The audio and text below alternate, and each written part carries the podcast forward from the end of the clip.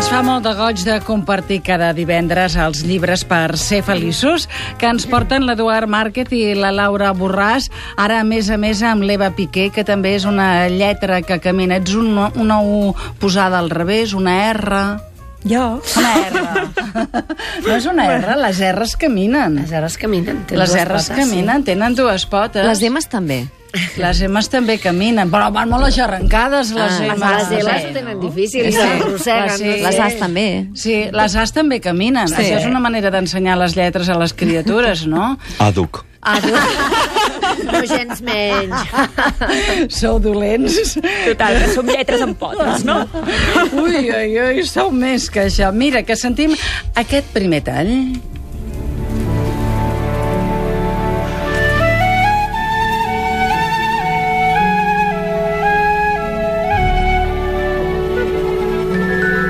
Assegut al costat de la mare, al banc de sota el finestral, en Bani també depenia d'ella.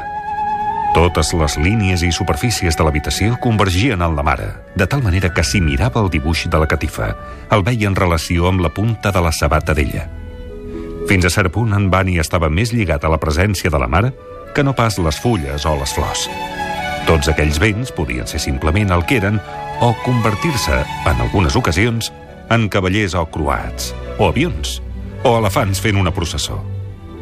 Si la mare anava a la ciutat a retallar venes per a la Creu Roja, així, quan ell arribava a casa de l'escola es veia obligat a jugar tot sol, en Bani mai no podia estar segur que s'esdevingués la transformació.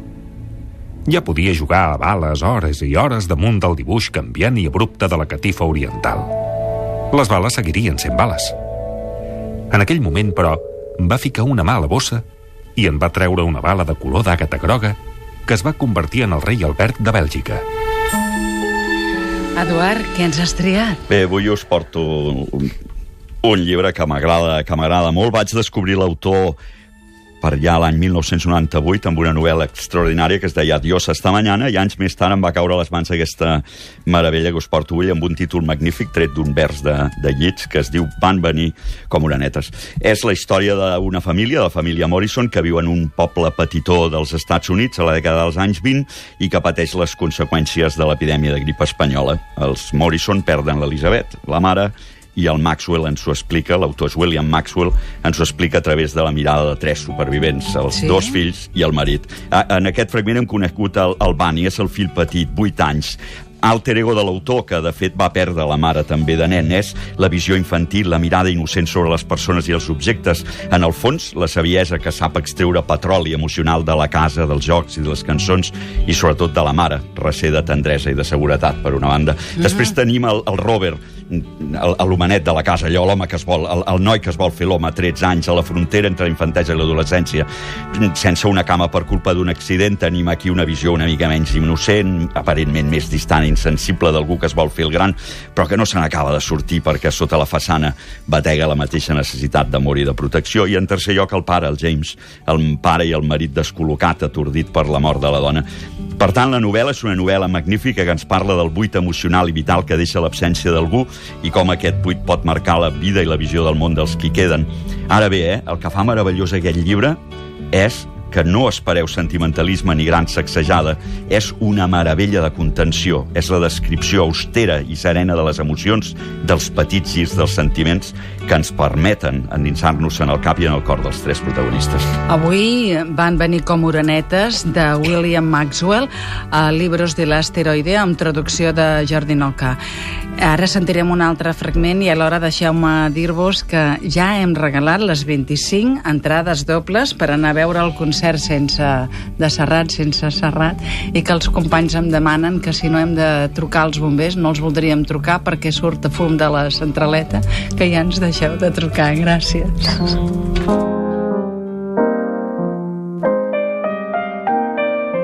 Encara que era el matí de dilluns, en Bani no va trigar a aixecar-se després de sentir el repic de les campanes. Podria ser que fos diumenge, una altra vegada? O és que havia passat alguna cosa increïble? Mentre jeia al llit preguntant-se tot això, el cel es va aclarir de cop quan va sonar la sirena de la fàbrica de sabates. Poc després, va fer-ho la de la depuradora. Llavors va començar a sonar l'alarma d'incendis que es van passar les campanes i les sirenes amb el seu lament esfereïdor. fins que els sons es van fer habituals i el matí va vibrar amb ells. Quan en Bunny va treure el cap de sota el coixí, en Robert ja no hi era. El seu llit era buit i estava desfet. Després d'una última revolcada, en Bunny també es va aixecar. Es va rentar i vestir i va baixar les escales. Es va esperar al llindar de la porta del despatx sense estar segur de com el rebrien. En Robert i la mare esmorzaven davant de la llar de foc.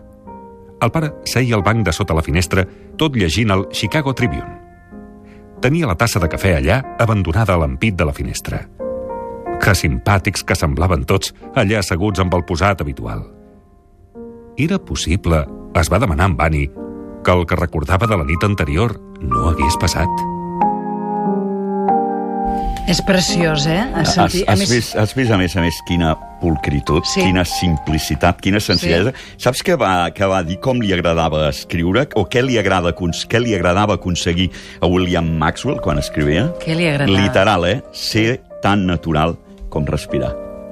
I això és el que és el seu text. El seu text és gairebé com si sentissis algú respirar, entrant en el, en el descobriment de les petites coses, de les petites emocions, que al capdavall són les que hem d'acabar reivindicant, no? perquè en la petitesa de les coses molt sovint hi ha la grandesa també de les coses. Ser tan natural com respirar és un home que, que en una entrevista va dir que als 25 anys Sí. diu, di- va dir no sabia que tres quartes parts del material que necessitaria per a la resta de la meva vida com a escriptor ja estaven a la meva disposició. Per què? Perquè en el fons el que a ell li agrada és parlar del pare, de la mare, dels germans, de les tietes, dels veïns, els homes i les dones, com deia ell, que reposaven des de feia molt de temps al cementiri, però que eren vividament recordats. I saps com ho anomena I tot com això? ho anomena?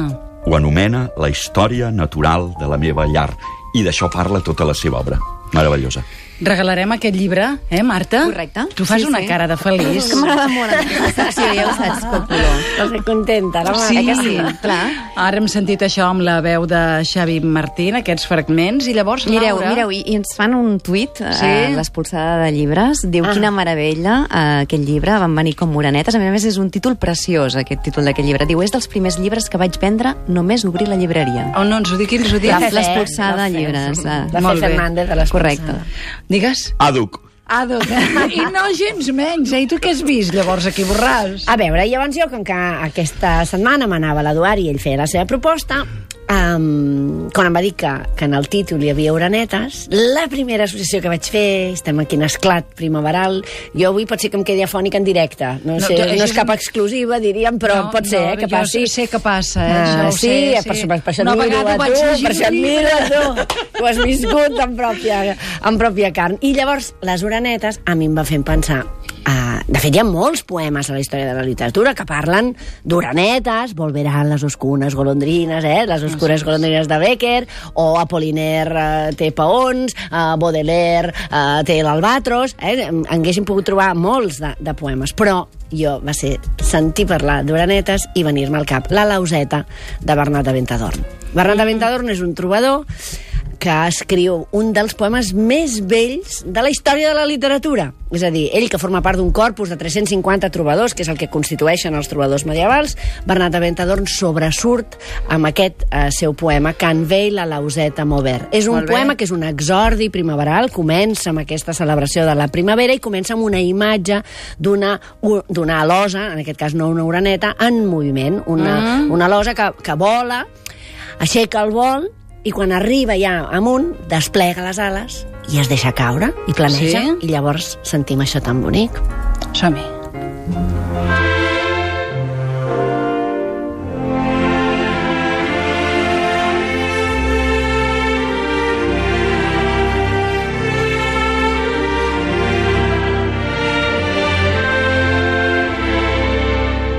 Quan veig la losa moure les ales d'alegria contra el raig i que es desmaia i es deixa caure per la dolçor que li envaeix el cor, ai, quina enveja més gran que em ve de tothom que veig alegre.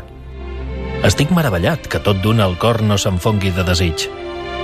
Ai, las, em creia saber tant d'amor, i en sé tan poc, car no puc estar-me demà aquella de qui no obtindré cap favor. M'ha robat el cor, i el meu ésser, i tot el món, i finalment m'ha privat d'ella mateixa i quan me'n va privar no em deixà res, sinó el desig i el cor assedegat. Preciosa, eh, també, aquesta... Mira que, que bonic, Aquesta no? obra, Veure eh? una losa que desplega les ales, es deixa caure i llavors el poeta veu aquesta imatge en moviment i Això és diu, tan primaveral, em ve més." tant desig que se'm fon el cor de desig. I llavors, després d'haver fet aquest exordi típic primaveral en què els sentiments del poeta es corresponen amb els sentiments d'un animal viu com és la losa i aquest a deixar-se anar, que és l'estat dels finamants, dels amors, que, dels amants que contemplen la dama, eh, aleshores immediatament ve el seu lament. Cuidava saber d'amor e tan petit ensai, ens diu, eh, Bernat de Ventador. Jo que em pensava que en sabia tant i resulta que en sé tan poc. Perquè, clar, el problema és on és el saber d'amor? Sí. És, és, és, um, exter es pot externalitzar aquest saber d'amor. Hi ha algunes enciclopèdies amoroses, efectivament, hi ha un tractat com el de Amore d'Andreu el Capellà que explica com eh, s'ha de procedir en l'amor. I ell ja l'havia llegit, eh, aquest tractat, ja ens, li semblava que en sabia molt, però aleshores al viure-ho, és a dir, al passar dels llibres a la vida, se n'adona que en sap molt poc. Perquè aquella de la qual ell s'ha enamorat l'ha rebutjat. I aquí ja tenim un altre tòpic típic de la literatura trobadoresca, que és aquesta dama que sempre diu que no, eh? una dama que rebutja el seu enamorat. I aquest enamorat es queda eh, desfet perquè no, no és correspost en el seu amor. Els trobadors són les cançons trobadoresques són sempre un lament d'amor, algú que demana, sol·licita aquest amor, i a l'altre costat una dama que es protegeix per les circumstàncies eh, del feudalisme, que és l'entorn que veu néixer aquesta literatura.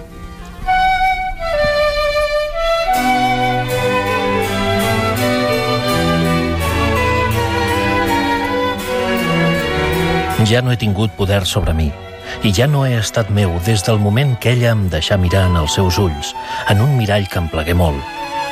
Mirall? Des que m'he mirat en tu, em maten els sospirs profuns. M'he perdut com es perdé el vell narcís a la font.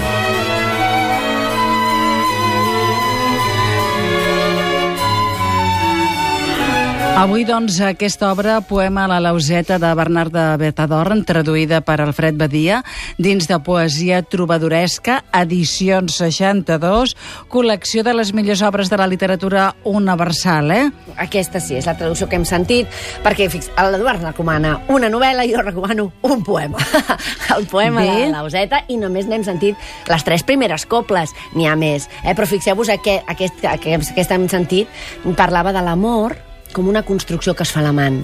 Diu mirall, pues me mirei en te, és a dir, perquè m'he mirat en tu, i parla del mirar-se als ulls. Mm. Si nosaltres ens mirem als ulls de la persona que estimem, què és el que veiem? Ens veiem a nosaltres reflectits a dins seus.